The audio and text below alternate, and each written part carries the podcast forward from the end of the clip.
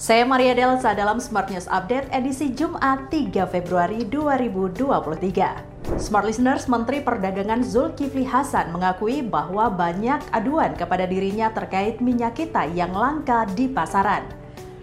Kelangkaan ini pula yang membuat harga minyak kita jadi naik hingga Rp17.000 per liter.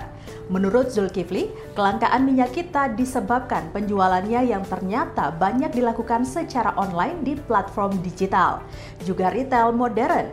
Padahal seharusnya minyak goreng kemasan bersubsidi itu dijual di pasar tradisional.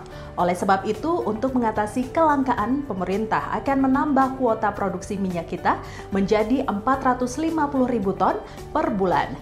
Namun pemasarannya hanya fokus di pasar-pasar tradisional, bukan secara online maupun retail modern. Berita selanjutnya, Direktur Utama Perum Bulog Budi Waseso mengatakan penyaluran stok beras impor atau cadangan beras pemerintah dalam operasi pasar akan berdampak pada penurunan harga beras.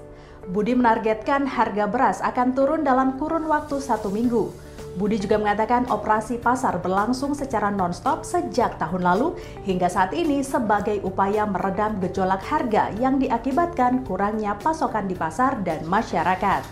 Berita terakhir, Presiden Joko Widodo mengajak pemerintah daerah untuk bersama-sama mengendalikan inflasi yang berasal dari harga kebutuhan pokok. Presiden mengakui sejumlah harga bahan kebutuhan pokok saat ini sedang mengalami kenaikan.